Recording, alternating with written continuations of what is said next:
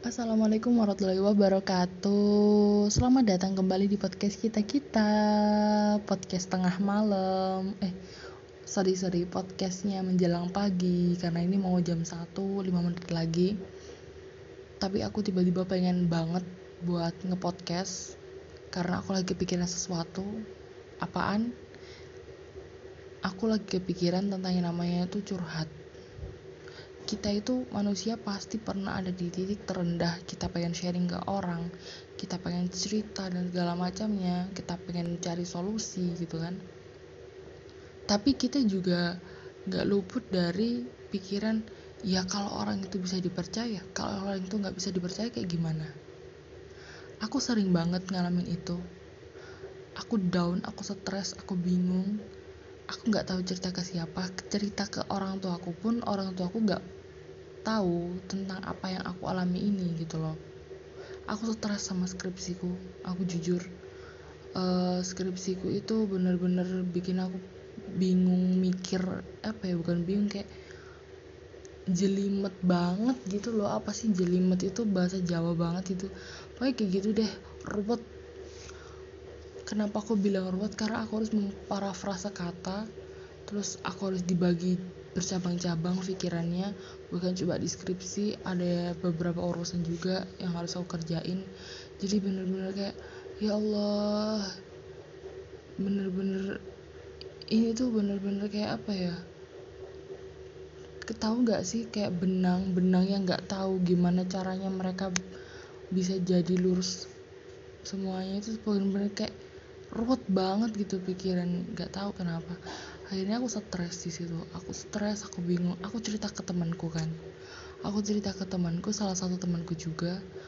Eh ternyata dia itu lebih parah gitu. Dia tuh lebih ngedown lebih stres dari aku gitu. Nah aku nggak jadi dong cerita ke dia. Belum cerita sih sebenarnya. Belum cerita masih kayak say aja dulu bahasa basi gitu. Opening before your sharing kayak hai apa kabar? Apa gimana? Kayak gitu-gitu deh. Belum juga cerita gitu. Dia udah cerita duluan katanya dia stres dia pusing dia ngedown. Dia udah berhari-hari tuh nangis dia nggak tahu mau ngapain. Dia nggak pokoknya bener-bener dia tuh masalahnya kelihatannya lebih parah dari aku.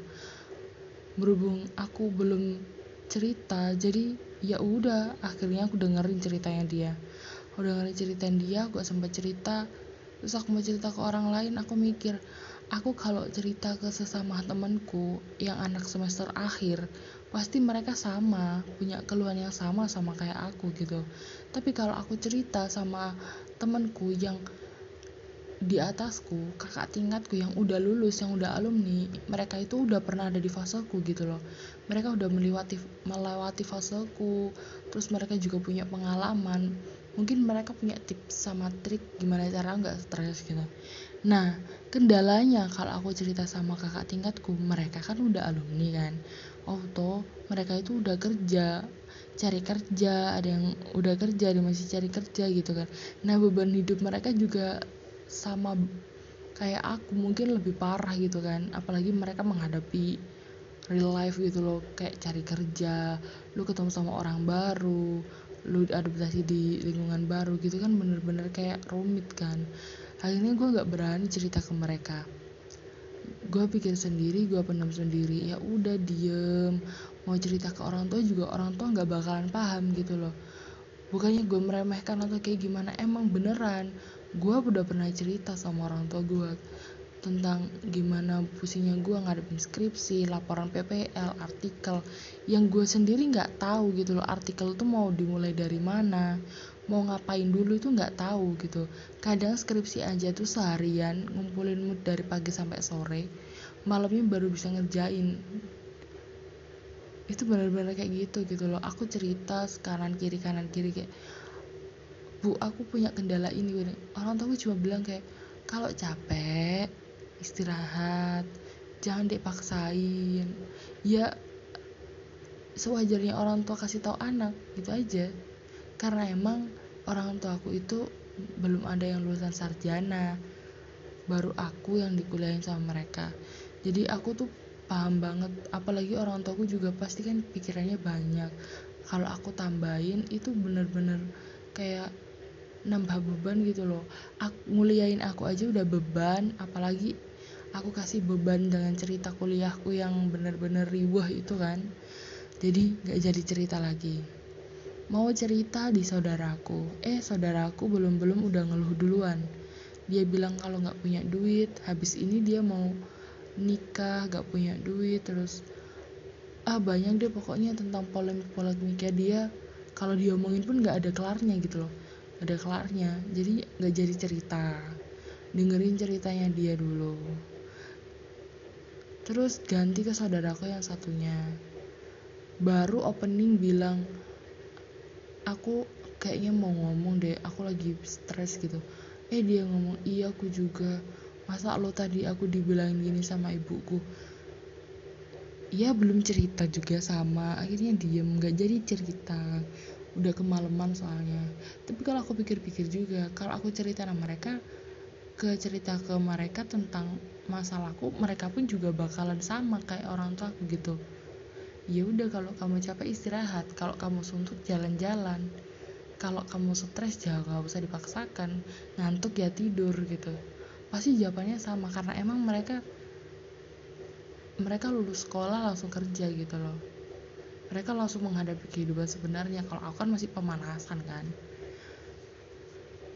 Iya akhirnya aku bingung gitu mau cerita ke siapa. Iya dipendam sendiri terus. Berhari-hari kayak aku kok nggak ngetik apa pun gitu loh. Aku nggak ngetik apa pun aku nggak berpikiran apa pun. Aku tahu mau ngapain. Tapi waktu aku cari materinya itu selalu aja kayak ada halangan yang bikin aku selalu punya mindset ya ampun ribet ya ampun ribet. Selalu itu kayak gitu gitu loh.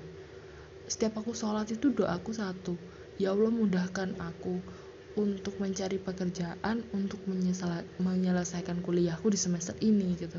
Karena aku tahu semakin panjang aku kuliah semakin lama aku kuliah semakin lama aku nambah semakin banyak aku nambah semesterku ya itu semakin nambah pula penderitaan orang tuaku pikiranku tuh kayak gitu. Kenapa aku bilang orang tua menderita? Ya karena emang uh, aku tuh ada di beban pundaknya mereka gitu loh pandemi ini tuh bener-bener gak menguntungkan. Aku gak boleh kerja. Apalagi tahu aku skripsi gitu. Mereka bilang udah kelarin skripsimu baru kamu kerja. Ya aku tuh lebih beban lagi gitu loh lihat aku di rumah yang cuma jadi lontong gelundung gelundung geluntung gitu doang. Geluntung geluntung aja nggak ada gerak kayak gimana. Paling bantu bantu kan di rumah.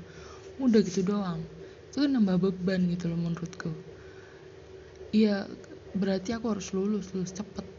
Itu bener-bener kayak beban juga buat aku kalau aku bilang aku harus lulus semester 7 iya beban. Karena apa aku bilang beban?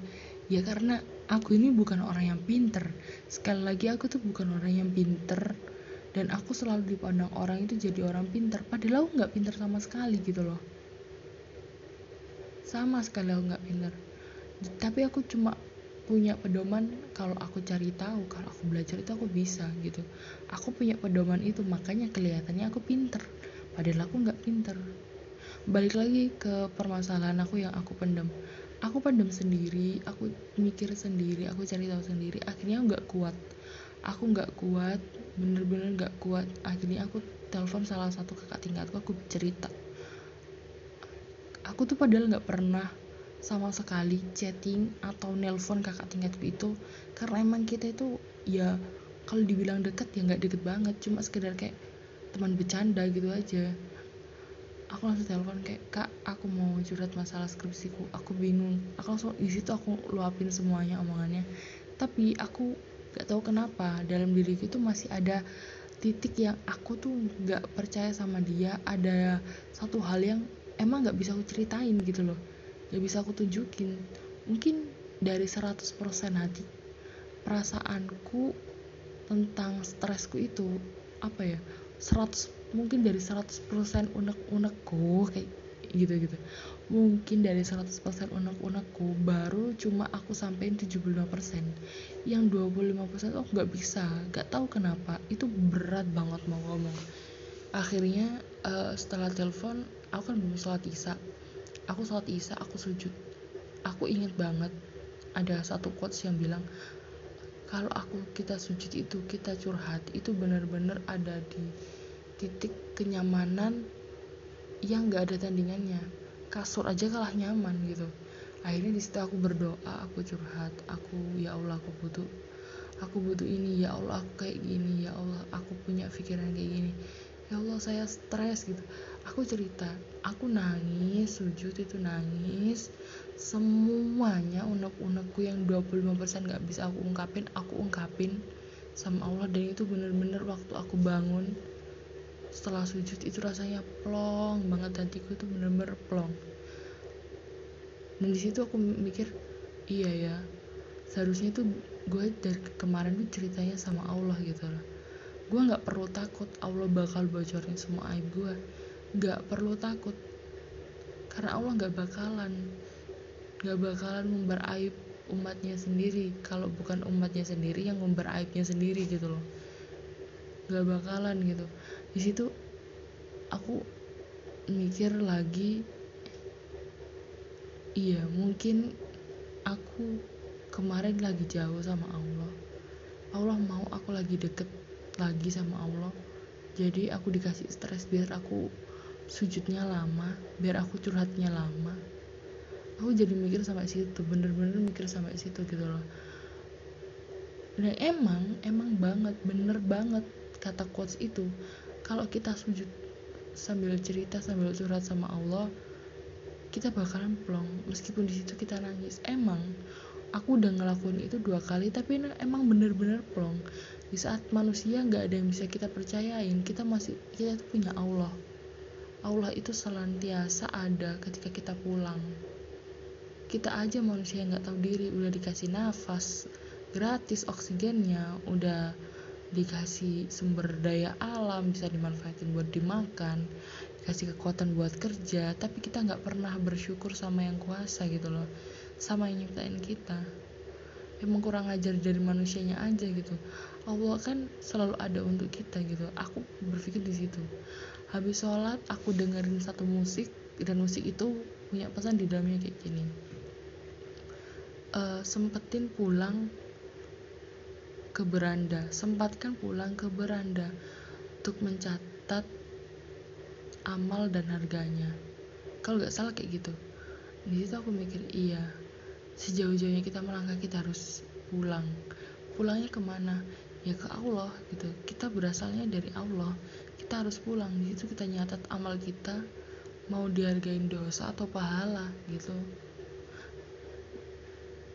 Itu benar-benar sih momen yang benar-benar apa ya part menurut gue itu part paling epic di hidup gue itu yaitu gue merasa kosong gue nggak mer merasa uh, gue nggak merasa kayak orang hidup. Gue merasa kalau diri gue itu benar-benar kosong nggak ada yang bisa gue percayain termasuk orang tua gue mungkin bisa gue cerita sama orang tua gue tapi nggak semuanya gitu loh. Masih ada part yang gue sembunyiin. Yang menurut gue kalau orang tua gue tahu pun nggak ngefek gitu loh. Nggak ada efek malah merugikan mereka. Lebih baik ya gue simpan sendiri tapi gue bisa cerita sama Allah ketika gue bener-bener nggak bisa nyimpen sendiri gue bisa cerita sama Allah. Dan Allah pun nggak bakalan ngumbar aib kita justru kita yang mengumbar aib kita sendiri gitu. Gue belajar banyak sih dari quotes quotes di IG tentang cerita muslim dan segala macamnya. Terus cuplikan dari Hanan Ataki Sultan Ataki gue sering banget juga lihat siap dan siap yang di YouTube opininya Gita Safitri. Itu buat gue open minded gitu loh open minded tentang apa pun apa pun itu segala bidang pokoknya. Makanya buat kalian semua yang udah dengerin podcast ini udah deh kalau kalian merasa kalian down dan segala macem kalau kalian milih cerita sama orang lain mungkin kalian nyaman. Nyamannya itu sesaat gitu loh. Kenapa gue bilang sesaat? Karena emang e, ketika lo lagi baik sama dia dia juga bakal bungkem mulutnya. Tapi ketika lo sama dia nggak enak ketika lo berantem sama orang yang lo cerita entah itu sahabat lo entah itu saudara entah itu orang tua pasti semuanya bakalan keluar. Ada masanya aib yang kamu tutup borok yang kamu tutup itu luka yang kamu tutup itu bakalan kecium gitu loh. Kalau kamu terus-terusan melakukan kalau kamu menceritakannya kepada orang lain. Kayak yang gue bilang tadi Allah itu nggak bakal ngumbar aib kita yang ada kita sendiri yang umbar aib kita sendiri. Gimana sih? Ada yang ada kita yang umbar aib kita sendiri gitu. Dengan cara dia cerita sama orang lain itu berarti kan kita mengumbar aib kita. Makanya kalau lu suntuk lu pusing coba deh. Lu sholat malam lu doa di sujud terakhir lu cerita sama Allah. Kalau lu nangis berarti berat banget tuh masalah. Karena gue sering banget kalau udah berat banget masalahnya udah nangis gitu.